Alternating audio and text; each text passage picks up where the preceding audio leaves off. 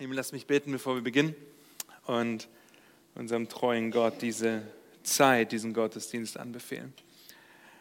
Herr, habt Dank dafür, dass wir uns auf einen Text einstellen dürfen, der uns so praktisch zeigt, wie wir in dieser gefallenen Welt anständig leben sollen und können, dass wir einen Text vor uns liegen haben, der uns aber auch herausfordert im Umgang mit der Obrigkeit, die du uns eingesetzt hast. Und so bete ich, dass du Gnade schenkst, dass wir ermutigt werden, angespornt werden, aber auch darüber nachdenken, was es bedeutet, wenn wir diesen Text und die Prinzipien, die er für uns bereithält, gemeinsam betrachten, Herr.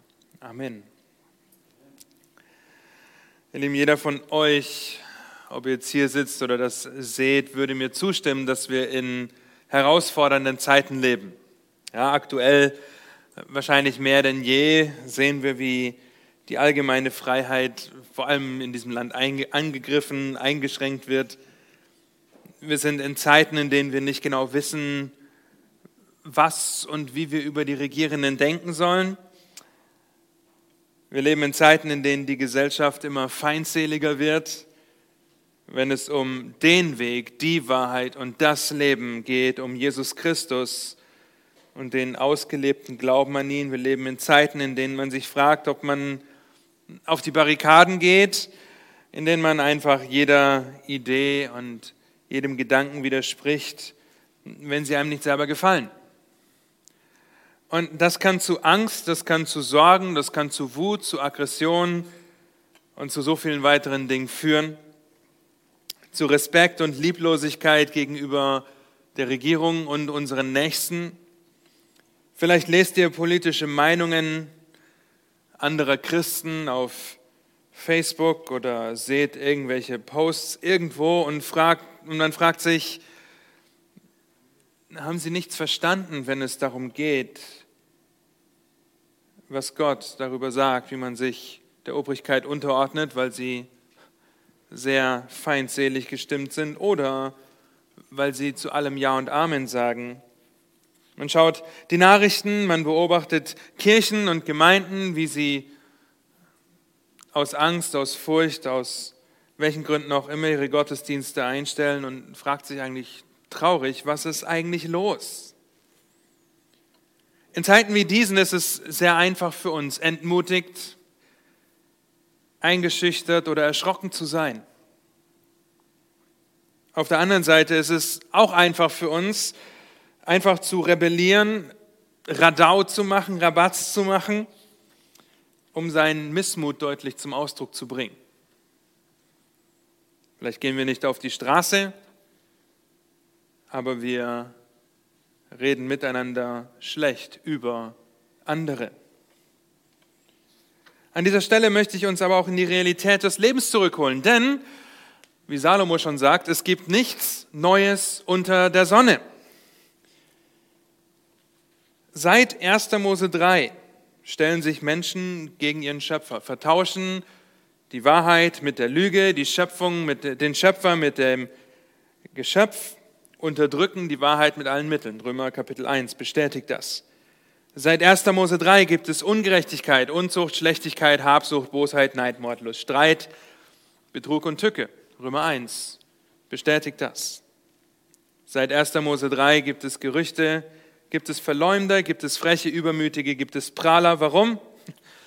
Weil seit 1. Mose 1 die Sünde in der Welt herrscht und keiner gerecht ist, auch nicht einer. Keiner, der nach Gott fragt, keiner, der Gutes tut. Römer 3 bestätigt das. Seit 1. Mose 1, 3 ist klar, dass wir einen Erlöser brauchen, und zwar jeder von uns. Nicht nur die außerhalb der Gemeinde, vielleicht jetzt die Regierenden, die sich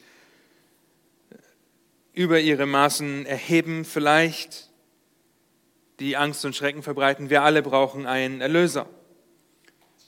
An dieser Stelle möchte ich uns aber nicht nur in die Realität zurückholen, sondern uns auch ermutigen, denn es gibt nichts Neues unter der Sonne. Und Gott, der unwandelbar ist, ist nach wie vor ein gnädiger, barmherziger, liebender, fürsorglicher Gott, der aber auch eines Tages Rache üben wird, wie wir vor zwei Wochen gesehen haben. Ein Gott, der uns nicht nur einfach seinen Sohn gegeben hat als Erlöser, als Sühnopfer, als Rechtfertigung für die, die an ihn glauben und sich dann zurücklehnt und uns jetzt uns selbst überlässt, uns vielleicht aus dem Himmel anfeuert und sagt, ihr schafft das schon irgendwie. Nein, Gott hat uns erlöst, hat uns seinen Geist als Unterpfand, als Leuchte, als Beistand, als Tröster gegeben, damit wir sein Wort verstehen und in die Tat umsetzen können. Und weil es nichts unter Sonne, Neues unter der Sonne gibt, ist Gott weder überrascht noch überfordert, uns in seiner Güte zu zeigen, wie wir als seine Kinder, als Botschafter anständig in einer gefallenen Welt leben sollen und können. Und so wollen wir anhand von Römer 13 gemeinsam lernen, wie wir mit den Geschwistern aller Zeiten, also auch den Geschwistern in Rom damals, ein anständiges Leben in einer gefallenen Welt führen können. Warum können wir das tun? Ich erinnere uns an Römer 12, Vers 1. Angesichts der Barmherzigkeit Gottes. Nur angesichts der Barmherzigkeit Gottes können wir unsere Leiber als ein lebendiges, heiliges und Gott wohlgefälliges Opfer darbringen, beziehungsweise kann das unser Verlangen sein, weil das unser logischer unser vernünftiger Gottesdienst ist, die einzig richtige Reaktion auf die Barmherzigkeit Gottes. Und wenn Römer 1 bis 11 die Theorie des Evangeliums betrachtet, dann ist Römer 12 bis 16 die Praxis. Wenn Römer 1 bis 11 das Fundament für ein Leben in, mit und durch Christus ist, dann ist Römer 12 bis 16 das Haus, das fest auf diesem Fundament steht. Und wenn wir Römer 1 bis 12 vergessen, oder 1 bis 11 vergessen, dann werden wir in Kapitel 12 bis 16 die falsche Motivation, eine verdrehte und verwirrte Einstellung haben und versuchen, das irgendwie aus eigener Kraft, aus Gesetzlichkeit oder Werksgerechtigkeit umzusetzen, weil wir es nicht in den Wahrheiten des Evangeliums, wer wir in Christus sind, gründen. Und so soll uns mit Römer 13 die Frage beschäftigen, führst du führe ich, führen wir ein anständiges Leben inmitten einer gefallenen Welt? Wir werden drei Gewohnheiten sehen und wenn wir den Text jetzt gemeinsam lesen, dann achtet auf die Gliederung, die sehr einfach zu sehen ist, wenn ihr auf die Überschriften des Textes schaut.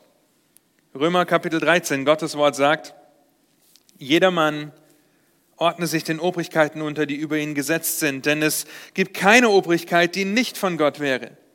Die bestehenden Obrigkeiten aber sind von Gott eingesetzt. Wer sich also gegen die Obrigkeiten auflehnt, der widersetzt sich der Ordnung Gottes. Die sich aber widersetzen, ziehen sich selbst die Verurteilung zu. Denn die Herrscher sind nicht wegen guter Werke zu fürchten, sondern wegen böser. Wenn du dich also vor der Obrigkeit nicht fürchten willst, so tue das Gute, denn dann wirst du Lob von ihr empfangen. Denn sie ist Gottes Dienerin zu deinem Besten. Tust aber Böses, so fürchte dich, denn sie trägt das Schwert nicht umsonst. Gottes Dienerin ist sie, eine Rächerin zum Zorngericht an dem, der Böses tut. Darum ist es notwendig, sich unterzuordnen, nicht allein um des Zorngerichtes, sondern auch um des Gewissens willen. Deshalb zahlt er ja auch Steuern, denn sie ist Gottes Diener, die eben dazu bestätigt tätig sind, beständig tätig sind. So gebt nun jedermann, was ihr schuldig seid, Steuer, dem die Steuer, Zoll, dem der Zoll, Furcht, dem die Furcht und Ehre, dem die Ehre gebührt. Seid niemand etwas schuldig, außer dass ihr einander liebt, denn wer den anderen liebt, hat das Gesetz erfüllt. Denn die Gebote, du sollst nicht Ehe brechen, du sollst nicht töten, du sollst nicht stehlen, du sollst nicht falsches Zeugnis ablegen, du sollst nicht begehren, an welches andere Gebot es noch gibt, werden zusammengefasst in diesem Wort, nämlich du sollst deinen Nächsten lieben wie dich selbst. Die Liebe tut dem Nächsten nichts Böses. So ist nun die Liebe die Erfüllung des Gesetzes. Und dieses sollen wir tun als solche, die die Zeit verstehen, dass nämlich die Stunde schon da ist, dass wir vom Schlaf aufwachen sollten. Denn jetzt ist unsere Errettung näher, als da wir gläubig wurden. Die Nacht ist vorgerückt, der Tag ist nahe, so lasst uns nun ablegen die Werke der Finsternis und anlegen die Waffen des Lichts. Lasst uns anständig wandeln wie am Tag, nicht in Schlemmereien und Trinkgelagen, nicht in Unzucht und Ausschweifungen, nicht in Streit und Neid, sondern zieht den Herrn Jesus Christus an und pflegt das Fleisch nicht bis zur Erregung von Begierden. Soweit unser Text und er gibt uns drei Gewohnheiten, die wir an den Tag legen können, um anständig zu leben. Und noch einmal, lest euch die Stellungnahme durch, die wir veröffentlicht haben, Christus und seine Gemeinde. Ihr findet sie unter Medienwerkzeugen und dann habt ihr dort aufgelistet ein paar Unterlagen und Dokumente, unter anderem Christus und seine Gemeinde, wo wir auf die verschiedenen Stellen aufmerksam machen, wo es um das Thema Obrigkeit geht und wo wir auch deutlich, sehr deutlich über unseren Auftrag als Gemeinde und unseren Umgang in Bezug auf die Regierung beschreiben und davon schreiben und unsere Überzeugung darin zum Ausdruck bringen. Nun, die ersten sieben Verse bieten genug Stoff, um uns herauszufordern. Hier geht Paulus auf die Obrigkeiten ein, die einem Christen in dieser gefallenen Welt vorgesetzt sind. Und Paulus differenziert nicht zwischen Demokratie, Diktatur, zwischen Sozialismus, Kapitalismus und Monarchie oder was auch immer. Nein, er sagt einfach, jede Obrigkeit ist von Gott eingesetzt. Nun, Obrigkeiten werden uns von Gott eingesetzt. Und in dieser Zeit des Römerbriefes, da war es eine sehr skrupellose Zeit, in die Paulus hier schreibt, in der die politische Christenverfolgung langsam zugenommen hat. Wir erinnern uns, die Gemeinde in Rom wurde von den Juden gegründet, die nach Pfingsten zurückkamen, weil sie in Rom lebten. Römer, also Heiden, wurden gläubig, schlossen sich der Gemeinde an. Dann mussten die Juden Rom verlassen, weil man dachte, sie lehnen sich aufgrund von Christus gegen Rom auf, also wurden alle Juden vertrieben. Das kann schon Verfolgung sein, wenn man auf einmal Hab und Gut verliert.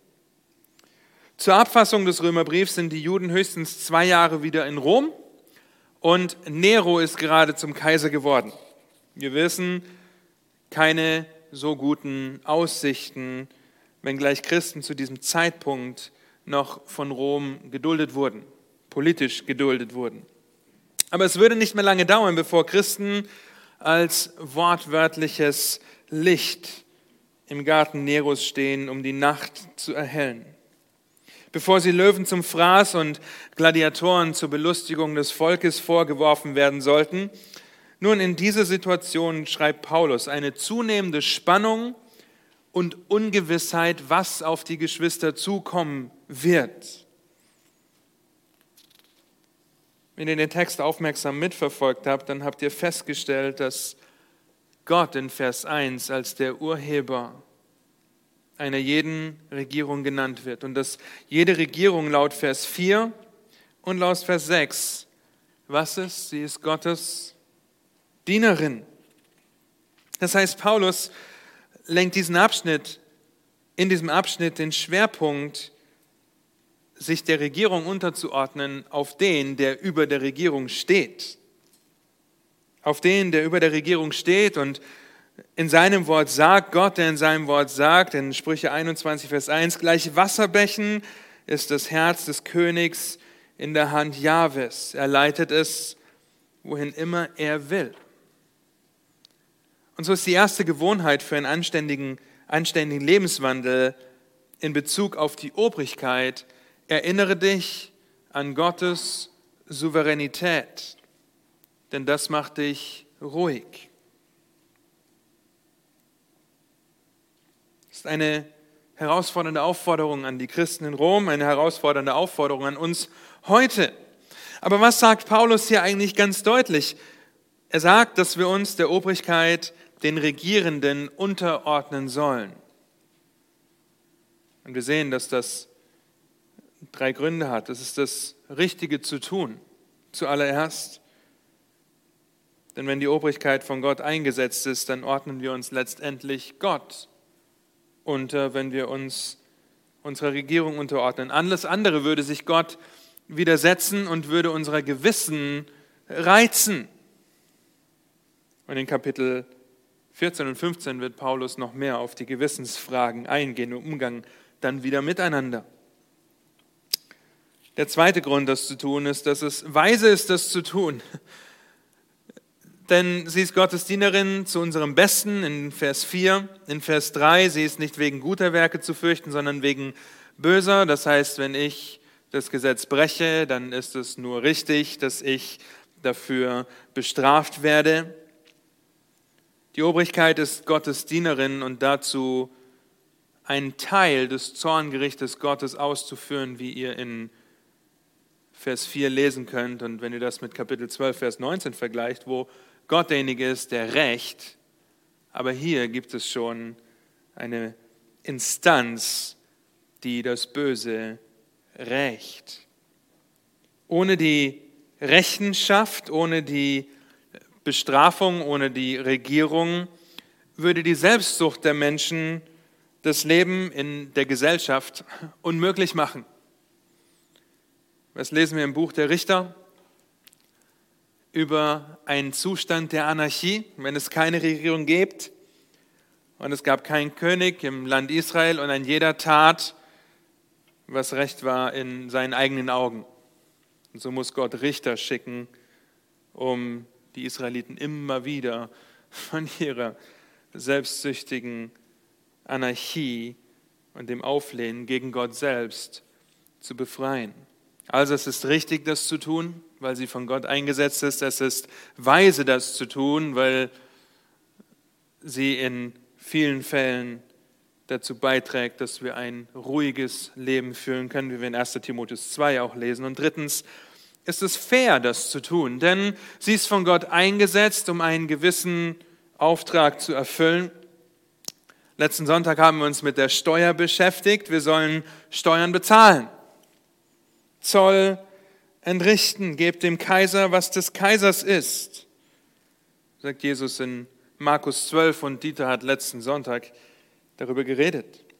Das heißt, wenn der Staat seine von Gott gegebene Aufgabe erfüllt und dafür arbeitet, eine gewisse Eindämmung zu geben, wenn er das auch nicht bewusst als Dienerin Gottes wahrnimmt, dann sollen wir die unsere erfüllen und uns unterordnen, indem wir steuern, indem wir Zoll zahlen, indem wir aber auch darüber nachdenken, wie das Ganze dann aussieht. Aber sollen wir uns wirklich ohne Wenn und Aber in allem einfach unterordnen? Ohne Fragen?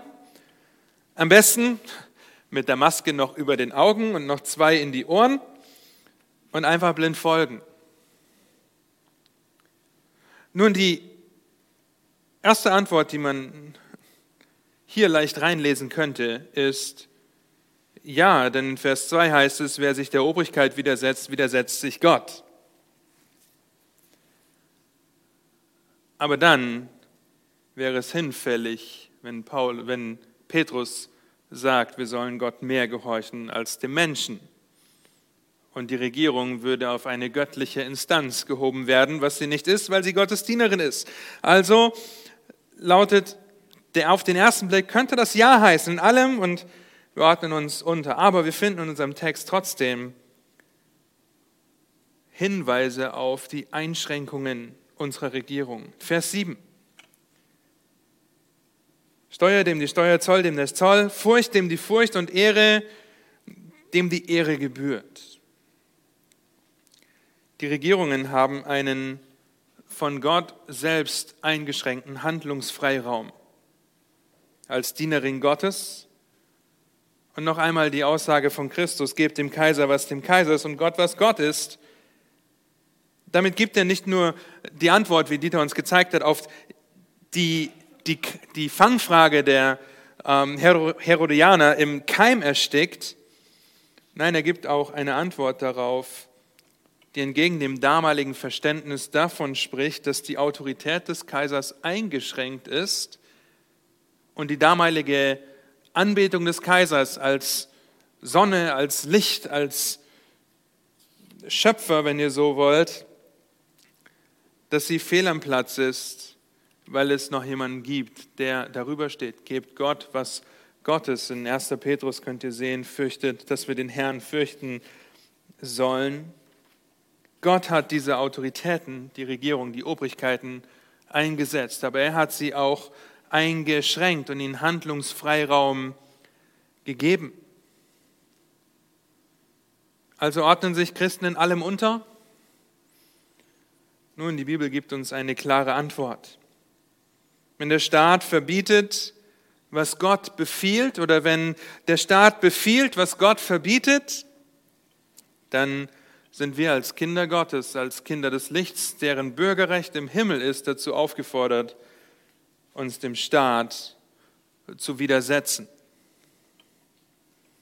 Aber, aber, aber, und das sehen wir in Römer 13 und an anderen Stellen, nicht auf eine respektlose, gewalttätige oder auflehnende Art und Weise. Denn selbst die törichtste Regierung und die schändlichste Regierungsform wird laut Römer 13 wie genannt? Dienerin Gottes. Und an dieser Stelle kommen uns wahrscheinlich Männer wie Daniel und seine Freundin in den Sinn. Shadrach, Mechach und Abednego, die sich dem widersetzt haben, was die Regierung befohlen hat, was Gott verbietet, nämlich vor der Statue anzubeten, weil Gott allein anzubeten ist. Und sie hätten das gemacht, auch wenn sie das den Feuerofen gekostet hätte. Sie lehnen sich gegen diesen Befehl auf, aber wenn ihr seht, wie sie mit dem König reden, dann ist das ein klares und respektvolles und ruhiges Zeugnis für ihren lebendigen Gott. Der Gott, der Regierung ein- und absetzt. Oder Daniel, der sich gegen ein Verbot auflehnt, das ihm verbietet, das zu tun, was Gott möchte, was er sich zur Angewohnheit gemacht hat. Und wir haben gerade als Älteste darüber gesprochen, wie Daniels Gewohnheit es war, dreimal am Tag zu beten. Dann kommt der Erlass, dass nur noch der König angebetet werden soll. Und das Erste, was Daniel tut, als er das hört, ist beten.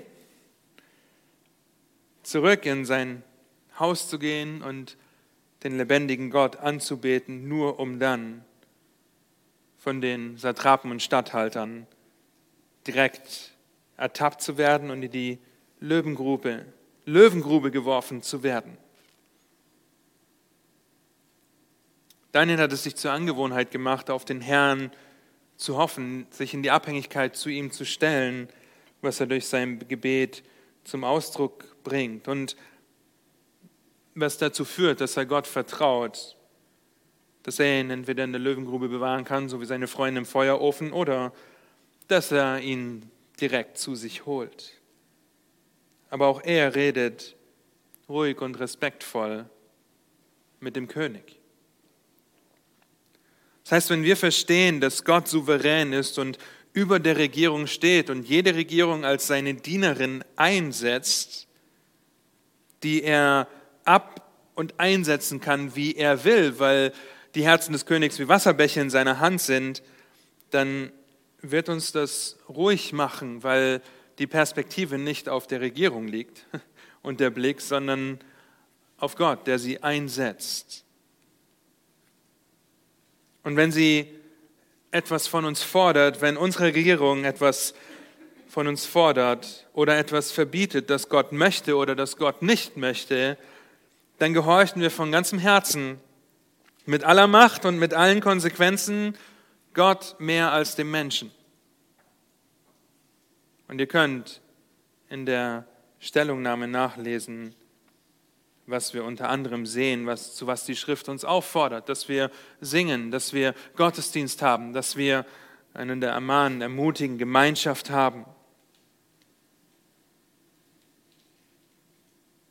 Nun, das wird dazu führen, wenn wir Gott im Blick haben, dass wir der Regierung ruhig, respektvoll aber auch mit Autorität gegenübertreten können, weil die Regierung Gottes Pläne und Gottes Ziel und Gottes Gemeinde nicht durchkreuzen kann, weil Gott darüber steht. Und wenn wir an Römer 12 zurückdenken, dann lernen wir die richtige Perspektive zu haben. Wir haben uns darüber unterhalten, ob wir ungeheuchelt lieben, falls ihr euch erinnert. Und über das Denken, über die Perspektive, über die Haltung gesprochen. Und das Erste, was Paulus daran anknüpft, ist, ungeheuerliche Liebe gegenüber dem Staat zum Ausdruck zu bringen, die aber auf Gott hinweist. Wir können ruhig, respektvoll und mit Autorität dem Staat gegenübertreten. Können wissen, dass Gott Rache nehmen wird. Und das lest ihr im Alten Testament an so vielen Stellen. Die Assyrer, die Babylonier werden als Gottes Dienerinnen bezeichnet und gleichzeitig wird sie ein hartes Gericht treffen. An dieser Stelle möchte ich uns aber auch deutlich ermahnen, dass wir in dieser Zeit, in der wir uns aktuell befinden, das Murren und das Beschweren über die Einschränkungen durch Corona überdenken. Nicht, dass wir alles abnicken. Nicht, dass wir vielleicht sogar alles nachvollziehen können. Aktuell gibt es wahrscheinlich 83 Millionen verschiedene Arten und Weisen und Meinungen, wie man über die aktuelle Zeit, über die aktuellen Verfassungen und Meinungen und Maßnahmen, wie man darüber denken soll. Und es geht von Auflehnung, es geht über zu Hass, zu Verzweiflung, zu Angst und zu Sorgen. Die einen gehen auf die Straße, die anderen verkriechen sich in ihren Wohnungen aus Angst, die anderen aus Auflehnung. Einige Gemeinden werden politisch aktiv, andere machen dicht. Aber lass uns das ins richtige Licht rücken. Wer ist der Fürst, der in der Luft herrscht? Satan. Was ist sein Ziel? Lügen und Morden. Er ist ein Lügner und Menschenmörder von Anfang an. Vor allem Kinder des Lichts, Kinder Gottes, wie du es bist, wenn du Jesus Christus als dein Herrn und Retter anerkennst. An keiner Stelle in der Schrift finden wir, dass uns ein leichtes Leben in einer gefallenen Welt versprochen wird. Eher das Gegenteil ist der Fall. Was uns aber in der Schrift versprochen wird, dass wir, ist, dass wir ein sehr hoffnungsvolles Leben führen können.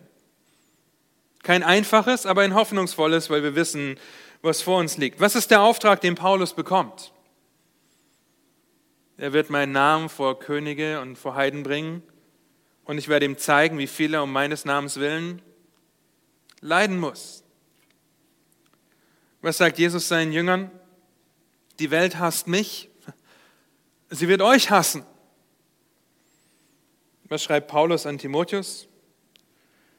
Alle, die gottesfürchtig leben wollen, werden Verfolgung erleiden. Das ist eine Verheißung, ein Versprechen.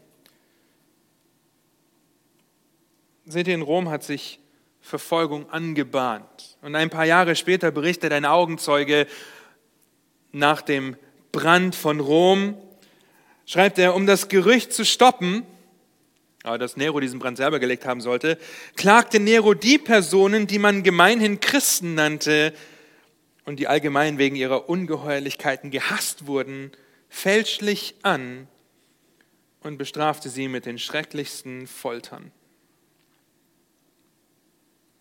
Ein anderer Bericht schreibt, Zitat, Christen werden diffamiert, schikaniert, inhaftiert, geschlagen, vertrieben, ermordet und unter Druck gesetzt, weil sie sich zu Jesus Christus bekennen. Das Erschreckende daran ist, das erste Zitat ist knapp 2000 Jahre alt, das zweite Zitat ist nicht mal ein Jahr alt. Ich möchte euch einen kurzen Ausschnitt zeigen und bevor ich das mache, dieser Ausschnitt ist von Open Doors und Open Doors kümmert sich um Christenverfolgung, hat das im Blick. Laut ihrem Index, den ihr lesen könnt, werden weltweit 309 Millionen Christen verfolgt. Allerdings, und das sage ich dazu, wird hier alles in den Topf Christentum geschmissen, was zum Topf Christentum auch im entferntesten Sinn nur dazugehört. Okay, wir stimmen nicht mit allem überein, was Open Doors theologisch betrachtet und sieht, aber sie helfen uns dabei, einen Blick zu bekommen in die Realität dieser Verheißung aus 2 Timotheus 3, Vers 12. Und ich möchte euch einen kurzen Ausschnitt eines Zeugnisses einer Frau aus Nordkorea zeigen. Es sind anderthalb Minuten von 20 Minuten. Bitte. Ich werde nie vergessen, wie ich die Bibel entdeckte. Wenn die Bibel jemand bei uns fand, würden wir hundertprozentig in ein Arbeitslager kommen.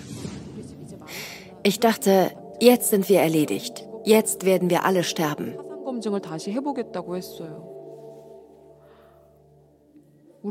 Ich hatte nämlich schon als kleines Mädchen öffentlichen Hinrichtungen zusehen müssen.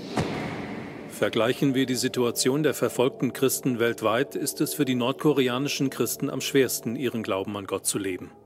Es ist lebensgefährlich für sie. Obwohl Nordkorea eigentlich ein kommunistisches Land ist, verehren die Nordkoreaner den Herrscher Kim Jong-un und seine Vorfahren wie Götter. Dazu werden sie in jeder Hinsicht angehalten. Kim Jong-un kontrolliert die Partei, die Armee und die Verwaltung und damit das ganze Leben der Nordkoreaner. Christen werden als Staatsfeinde betrachtet, denn sie verehren Jesus Christus statt eines Menschen. Glauben Eltern an Jesus, verheimlichen sie es ihren Kindern meist. Die staatliche Indoktrination von früh auf bewirkt, dass Kinder bereit dazu sind, ihre christlichen Eltern bei den Behörden anzuzeigen. Kim Sang-wa war geschockt, als sie zu Hause eine Bibel fand. Beinahe hätte sie ihre Eltern verraten. Ich heiße Kim Sang-wa und komme aus Nordkorea. In Nordkorea ist es verboten, über Gott zu sprechen. Und es ist schwierig, etwas darüber zu erfahren. Ich wusste nicht, dass es überhaupt einen Gott gibt. Von Geburt an hörten wir nur etwas von Kim Il-sung und Kim Jong-il. Wir sollten sie als Leiter und Führer anbeten, mit Liedern und Tänzen und solchen Dingen. Vielen Dank. Bis hierher. Das ist heute. Ja, das ist heute, wo Verfolgung ist, weil man nur eine Bibel besitzt, wo Leute im Interview unkenntlich gemacht werden müssen, weil sonst Gefahr für sie besteht. Und gleichzeitig lesen wir heute, dass die Untergrundgemeinde an solchen Orten wächst und wir für sie beten können. Lieben, beim letzten EBTC-Wochenende habe ich mit einem Studenten gesprochen, der meinte, in fünf Jahren schauen wir alle auf diese Situation zurück und lachen darüber, was hier für Maßnahmen getroffen wurden. Nun, kann es aber auch sein, dass wir in fünf Jahren zurückblicken und uns die Maßnahmen zurückwünschen, weil uns eine Pistole auf die Brust gesetzt und der Abzug gedrückt wird, wenn wir unseren Glauben nicht ablehnen, wenn wir unsere Gottesdienste nicht beenden, wenn wir uns versteckt treffen müssen?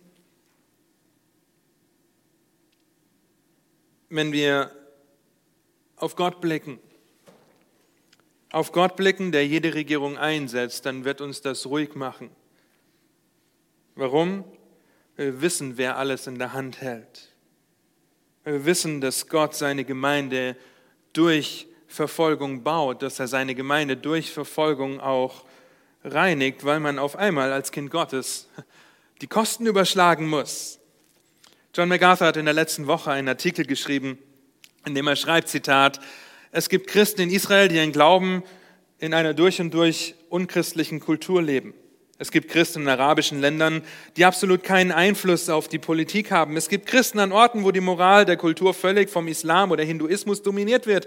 Es gibt Christen an Orten, wo ihr Glaube sie in die Gefahr bringt, ermordet zu werden. Für Christen an solchen Orten besteht die Erwartung nicht darin, dass sie die Kultur verändern und sich das Leben leichter machen. Das ist nicht ihr Ziel. Die Christen in diesen Orten haben nur ein Ziel, die Wahrheit an einem dunklen Ort zu verbreiten, damit Seelen gerettet werden. Als Christen sind wir aufgerufen, verlorene Menschen zu erreichen. Wir können es uns nicht leisten, unsere Mission zu schwächen, indem wir die nicht erretteten Menschen in unserer Gesellschaft zum Feind machen. Wir können die Sünden hassen, aber wir können niemals zum Feind des Sünders werden, denn wir sind Gottes einzige Rettungsleine. Zitat Ende.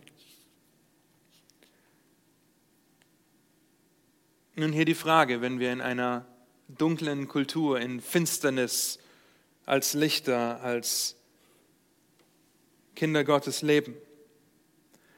Machst du es dir angesichts dieser Verse zur Gewohnheit, über Gottes Souveränität nachzudenken? Oder kennst du die Regierung und die Maßnahmen besser als den, der sie einsetzt? Das wird einen fundamentalen Unterschied machen. Bereitest du dich auf Verfolgung vor und lernst du den Gott des Wortes in seinem Wort kennen? Bereitest du dich darauf vor, wie die Christen zur Zeit von Petrus, die aufgefordert werden und wo Petrus schreibt, und wer will euch Schaden zufügen, wenn ihr Nachahmer des Guten seid?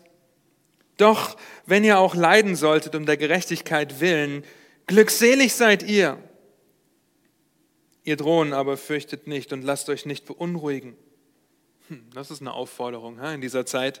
Sondern heiligt vielmehr Gott, den Herrn, in euren Herzen. Seid aber alle Zeit bereit zur Verantwortung gegenüber jedermann, der Rechenschaft fordert über die Hoffnung, die in euch ist und Ungläubige haben in dieser Zeit keine Hoffnung. Okay? Die Hoffnung, die in euch ist, und zwar wie? Mit Rebellion und lautem Geschrei. Nein, mit Sanftmut und Ehrerbietung und bewahrt ein gutes Gewissen, damit die, welche eure guten, euren guten Wandel in Christus verlästern, zu Schanden werden, in dem, worin sie euch als Übeltäter verleumden mögen. Denn es ist besser, dass ihr für Gutes tun leidet, wenn das der Wille Gottes sein sollte, als für Böses tun. Nun bist du bereit, respektvoll, liebevoll und ruhig auf deine Obrigkeit zu reagieren und über deine Obrigkeit zu sprechen, sie im Gebet zu erheben, im Gebet zu tragen und ihnen das zu geben, was du ihnen schuldest, die Steuer zu bezahlen, den Zoll. Und bist du bereit, für deinen Glauben an Jesus Christus angesichts der Barmherzigkeit Gottes dein Leben möglicherweise wortwörtlich als Opfer hinzugeben, wenn es sein muss? Auf Gott zu vertrauen, dass er seinen Plan zu seiner Zeit, zu seinem Ziel bringt, wird uns in Zeiten wie diesen, die unruhig sind, wo wir nicht wissen, wie es weitergeht, ruhig machen, weil er einen Plan hat und er ein Ziel hat. Und wie Dieter, wenn ihr das auf Basecamp gelesen habt, geschrieben hat, wir werden in den nächsten Wochen auch im Rahmen des Gottesdienstes fünf- bis siebenminütige kleine Inputs geben, um zu sehen, wie wir besser lernen können, mit der gegenwärtigen Situation umzugehen. Nun, wir müssen weitermachen. Zu den nächsten Versen kommen. Wir haben die Hälfte hinter uns. Zur nächsten Gewohnheit kommen. Die interessante Verbindung zwischen Vers 7 und 8 findet ihr darin, dass wir jedermann geben sollen, was wir schuldig sind. Das heißt, wir sollen möglichst schuldenfrei sein und gleichzeitig niemand etwas schuldig sein. Nein, wir sollen schuldenfrei sein, weil wir niemand etwas schuldig sein sollen, außer das Einzige, worin wir Schuldner sein sollen, ist, dass wir einander lieben, denn darin erfüllen wir das Gesetz. Zuallererst Furcht und Ehre in Vers 7 für Gott. Durch ein anständiges Leben, das ungeheuchelt liebt, weil es die Barmherzigkeit Gottes in Sinn hat. Denn erst dann wird uns bewusst, dass wir Schuldner des Evangeliums sind, so wie Paulus sich in Römer 1, Vers 14 bezeichnet. Dass Gott uns seine Liebe in seinem Sohn gezeigt hat, wo wir nur seinen Zorn verdient haben. Indem er hat seinen Sohn für uns gegeben. Das sollte uns anspornen, die nächste Gewohnheit eines anständigen Lebenswandels an den Tag zu legen, denn wir sind es schuldig, einander zu lieben, weil Gott uns zuerst geliebt hat. Die Gewohnheit in Bezug auf deinen Nächsten. Begegne ihn mit Liebe, dadurch erfüllst du das Gesetz. Verse 8 bis 10, da spricht Paulus davon, wie die Römer in Bezug auf ihre Nächsten mit ihnen umgehen sollen. Und er macht das, was Jesus auch macht, was das Alte Testament auch macht, nämlich die, die Gebote in dem größten Gebot zusammenzufassen. Liebe Gott und liebe deinen Nächsten wie dich selbst. Ihr Lieben, wir sind nicht von der Welt, aber wir sind auch noch nicht aus der Welt raus. Wir sind noch hier. Wir haben noch die Möglichkeit zu leuchten, ein Licht zu sein, ein Zeugnis zu sein für den Herrn, weil wir Schuldner am Evangelium sind. Und die Leitplanken für die Nächstenliebe, die finden wir allein in der Schrift, allein im Gesetz. Wir erinnern uns, wir sind losgekauft von der versklavenden, verdammenden, verheerenden Konsequenz des Gesetzes in Römer 3. Wir sind aus Gnade errettet. Deshalb halten wir uns freudig an das Gesetz, um unsere Liebe dadurch zum Ausdruck zu bringen. Aber lasst uns dabei aufpassen, unseren Nächsten zu lieben wie uns selbst, dass wir die liebende Tat nicht mit der bequemen Tat verwechseln. Denn zu oft, ich sehe das in meinem Leben, sind wir zu bequem, wenn es um die Liebe zum Nächsten geht. Denn was ist der größte Ausdruck unserer Liebe gegenüber unseren Nächsten, gegenüber unseren Nachbarn, die uns beobachten, die uns sehen, die Arbeitskollegen, die mit uns arbeiten? Nun, der größte Ausdruck unserer Liebe ist, ein Leben zu führen, das dir viele Möglichkeiten gibt, über deinen liebenden Retter zu reden, das Evangelium zu verkünden, zur Buße aufzufordern und Gottes Maßstab in einer demütigen Haltung deutlich zu machen, auch wenn das Gegenwind bedeutet. Aufgrund dieser Wahrheit müssen wir aber auch aufpassen, nicht in eins von zwei Extremen zu fallen. Das erste Extrem beschreibt Tim Keller zum Beispiel als das Ghetto-Christsein. Man kapselt sich ab, man überlegt nicht, wie man seine Nachbarn, seine Nächsten auf jede erdenkliche Art und Weise dienen können, um ihm das Evangelium zu präsentieren, um ihm das Evangelium zu verkündigen, sie zur Buße aufzufordern und man hält sie auf Armlänge. Mit anderen Worten, die Gemeinde ist nicht eine Botschaft, sondern eine abgeschottete Burg, eine Festung, wo wir jemanden rein und vielleicht auch rauslassen. Das zweite Extrem könnte man mit dem Korinther-Christsein beschreiben. Wir erinnern uns an Pascal. Die Gemeinde war nicht in Korinth, sondern Korinth war in der Gemeinde. Gemeinden, die Kompromisse eingehen, um ihre Räumlichkeiten voll zu bekommen, um Seelen zu streicheln, die Ohren zu kitzeln, die Wahrheit zu verwässern, sich vielleicht nur diakonisch zu betätigen, nun, sie vergessen, dass sie Botschafter für Christus sind und keine Spione, die man nicht entdecken sollte.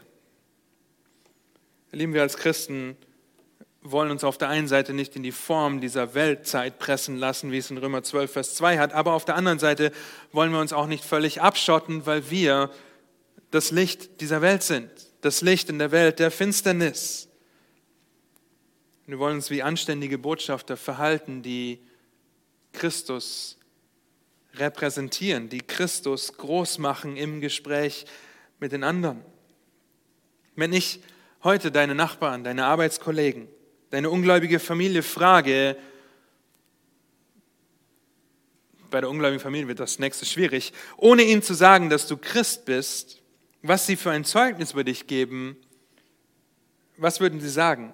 Oder wenn ich ihnen erzähle, dass du in die Bibelgemeinde gehst, Christus als dein Herrn und Retter bekennst, wenigstens wenn du in der Gemeinde bist, was würden sie sagen? Ich hoffe, dass sie das bestätigen, weil sie deine Liebe, deine Freundlichkeit, deinen Dienst an ihnen erfahren und du die Möglichkeiten freimütig mit dem Evangelium verknüpfst. Das sind Gespräche mit den Arbeitskollegen, die dich fragen, wie du schon 13 Jahre verheiratet sein kannst. Und wie das funktioniert. Und du kannst, ich habe die Möglichkeit dadurch, eine von zwei Sachen zu sagen. Entweder meine Frau und ich harmonieren gut. Wir ergänzen uns super. Die Chemie passt.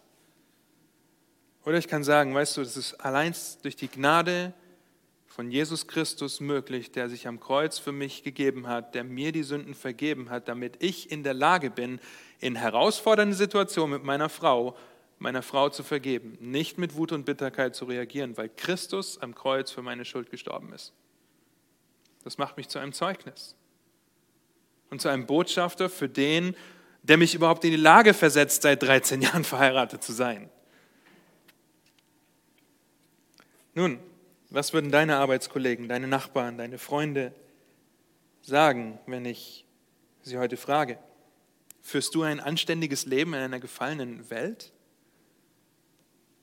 Tust du deinem Nächsten nichts Böses, sondern Gutes, was sich vor allem darin äußert, dass du ihnen das Evangelium vorlebst und vorliest und erzählst und sprichst und sie zur Buße aufforderst? Führst du ein anständiges Leben in einer gefallenen Welt in Bezug auf die Regierung, in Bezug auf deinen Nächsten? Aber wie geht das? Was ist nötig dafür? Und es ist wunderbar, dass Paulus uns die Antwort in den letzten Versen gibt. Mach es drittens zu deiner Gewohnheit, in deiner Abhängigkeit zu Christus zu wachsen, denn das macht dich wachsam.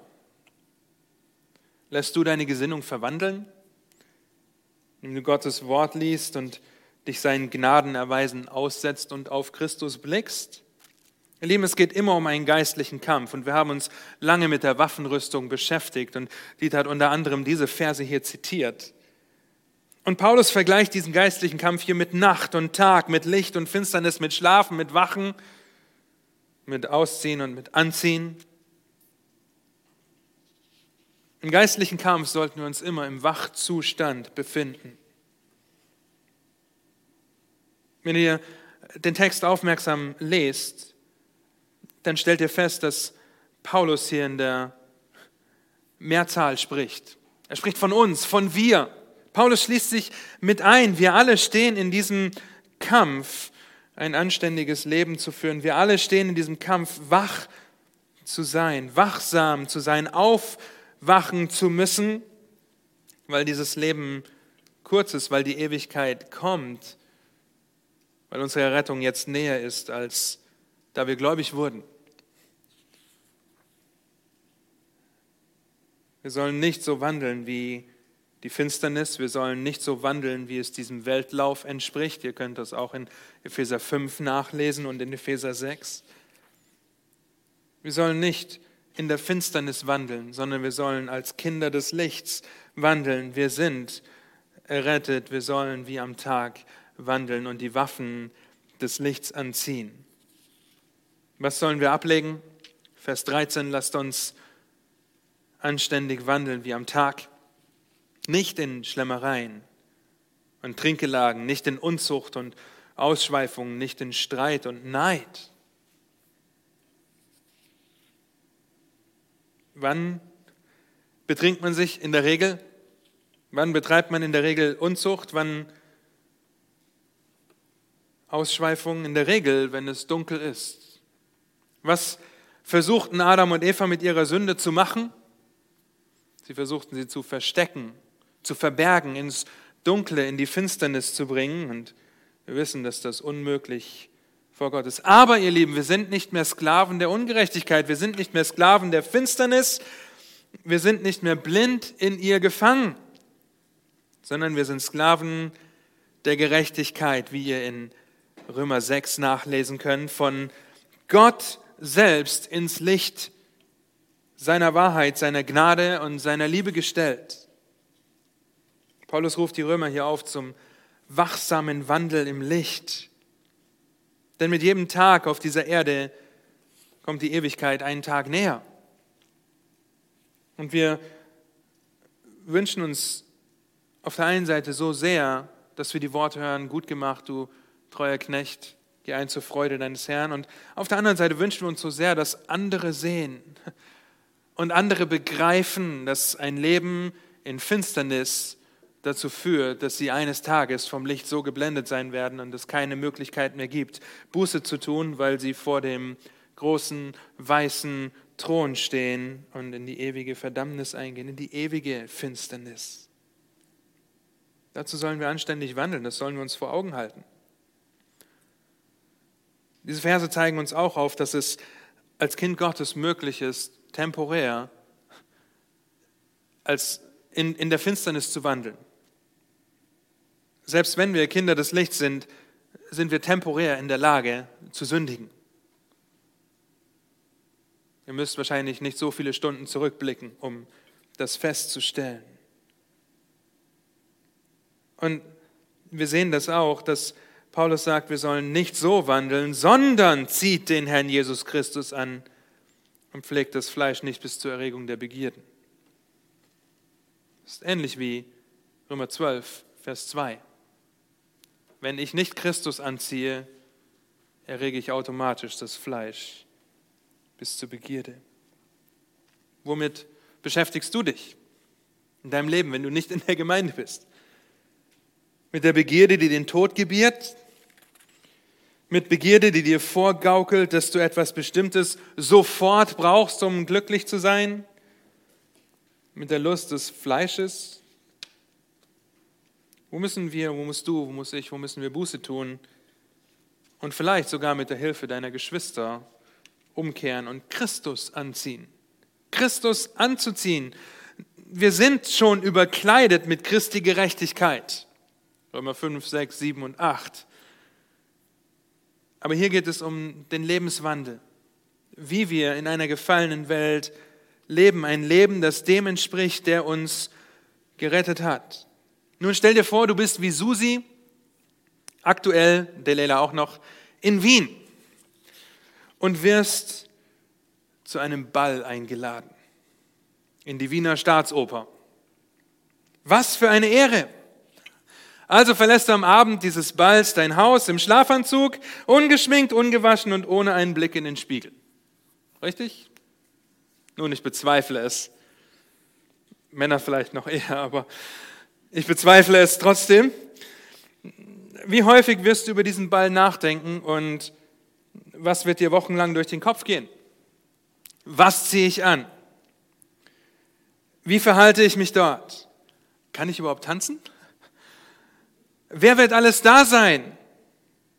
Also beschäftigst du dich mit Etikette, mit Knigge, mit Kleidern und Möglichkeiten der Veranstaltung würdig zu erscheinen. Anders würdest du sowieso nicht reinkommen, aber das sei dahingestellt. Nun bist du dir bewusst, dass du ein Kind des lebendigen Gottes bist. Und dass du jedes Mal, wenn du sündigst, im Schlafanzug zu einem Ball gehst. Jedes Mal, wenn du dich gegen ihn entscheidest, wenngleich du mit seiner Gerechtigkeit überkleidet bist. Bist du dir bewusst, dass du ein Kind des Königs der Könige bist, der Autorität über jede Regierung hat? Dass du damit verbunden nicht nur Königskind, sondern, wie Paulus sich selbst bezeichnet, auch Botschafter für diesen König, deinen Gott bist, der dich in seiner Gnade adoptiert und aus der Sklaverei der Sünde befreit hat? Der dich mit weißen, mit reinen Gewändern überkleidet hat, mit der Gerechtigkeit Christi überkleidet hat? Denn das wird uns helfen, angesichts der Barmherzigkeit Gottes ein anständiges Leben zu führen. Je mehr wir in dem Bewusstsein wachsen, wer Christus ist, dass er heilig ist, was er für uns getan hat und wer wir in ihm sind, desto mehr werden wir in dem Bewusstsein wachsen, würdige Botschafter für ihn zu sein, in einer gefallenen Welt anständig zu leben, angesichts der Barmherzigkeit Gottes. Bitte vergiss das nicht. Es geht nicht um das Einhalten von Regeln, um das stoische Unterordnen unter den Staat oder die zwingende Gesetzlichkeit, sich entweder von allen abzuschotten oder möglichst nur und überall zu dienen, wo ich das kann. Wenn wir das aus Gesetzlichkeit tun, aus Regelwerken und Verhalten, dann wird das nicht zu einem anständigen, sondern zu einem miserablen Leben führen, das in der Gesetzlichkeit verankert ist, wo wir Buße tun müssen. Wo du dich aber vielleicht auch selber prüfen kannst, ob du das Evangelium wirklich verstanden hast. Oder zum ersten Mal darüber nachdenkst und erkennst, oh, ich muss mein Leben dem Gott des Lichts, dem Gott der Wahrheit, dem Gott der Schrift unterordnen und anerkennen, dass ich unfähig bin und Christus alles für mich getan hat. Lasst uns uns vor Augen halten, dass wir nichts dazu beigetragen haben, Teil der Familie Gottes zu sein. Und dass wir auf der anderen Seite auch keinen Teil dazu beitragen können, ob wir die Familie wieder verlassen können oder nicht. Warum? Weil uns das das Bewusstsein gibt, dass wir mit Christus in den Tod getauft sind und jetzt leben, dass wir ewiges Leben haben, dass uns das versichert ist und das wird uns anspornen, auch dementsprechend zu wandeln. Dane Ortlund schreibt, Zitat, der Kampf des christlichen Lebens besteht darin, dein eigenes Herz mit dem von Christus in Einklang zu bringen. Das heißt, jeden Morgen aufzustehen und deine natürliche Denkweise, ein Waisenkind zu sein, durch die Haltung der vollen und freien Adoption in die Familie Gottes, durch das Werk von Christus, deinem älteren Bruder zu ersetzen, der dich geliebt und sich selbst aus der überfließenden Fülle seines gnädigen Herzens für dich gegeben hat. Zitat Ende. Mit anderen Worten bringe ich mein Herz mit das von Christus im Einklang, indem ich das kenne, weiß, was hier steht, weil ich in Gottes Wort den Gott des Wortes kennenlerne, lieben lerne, verstehe, was er für mich getan hat. Mit anderen Worten tendieren wir viel zu schnell dazu, zu denken, dass Gott uns, wenn wir sündigen, weniger liebt oder dass er uns verstößt, wie ein Waisenkind behandelt, anstatt zu verstehen, dass wir adoptierte Kinder Gottes sind. Wenn wir das verstehen, was Christus für uns getan hat, dann wollen wir bereitwillig Christus anziehen und wollen bereitwillig anständig wandeln. Dann ordnen wir uns der Regierung unter, dienen unserem Nächsten und versuchen, die Waffen des Lichts anzulegen, weil wir Bestätigung, Anerkennung und Liebe von Gott bereits voll in Christus haben. Es ist eine Aufforderung, anständig zu wandeln, weil wir erlöste Kinder Gottes sind. Es ist eine Aufforderung, ein Zeugnis zu sein für unseren Herrn, für unseren Retter in einer gefallenen Welt. Sei das mit den Obrigkeiten, dass wir hey, uns vielleicht auch darauf vorbereiten müssen, uns Maßnahmen zu widersetzen, wenn sie das verbieten, was Gott gebietet, oder wenn sie etwas gebieten, was Gott verbietet. Sind wir bereit dazu angesichts der Barmherzigkeit Gottes? Lass uns als Botschafter anständig in einer gefallenen Welt leben. Amen. Herr, habt du Dank dafür, dass wir deine Kinder sind, dass wir durch deine Gnade deine Kinder sein dürfen, weil du dich für uns gegeben hast, als wir kraftlos Sünder, Feinde waren. Herr, und das sollte uns umso mehr anspornen und das spornt mich an, darüber nachzudenken, was du für mich getan hast, wie sehr du mich geliebt hast, dass du, Herr Jesus Christus, dein Leben für mich gegeben hast, damit ich dein Leben haben kann. Deine Gerechtigkeit mir angerechnet wird, ich damit überkleidet werde Herr, bitte mach du uns, mach du mich zu einem Zeugnis für dich und lass du uns anständig wandeln mit den Waffen des Lichts wie am Tag, indem wir unseren Nächsten lieben, indem wir respektvoll, sanftmütig und ehrerbietend auch mit den Obrigkeiten umgehen, die du eingesetzt hast.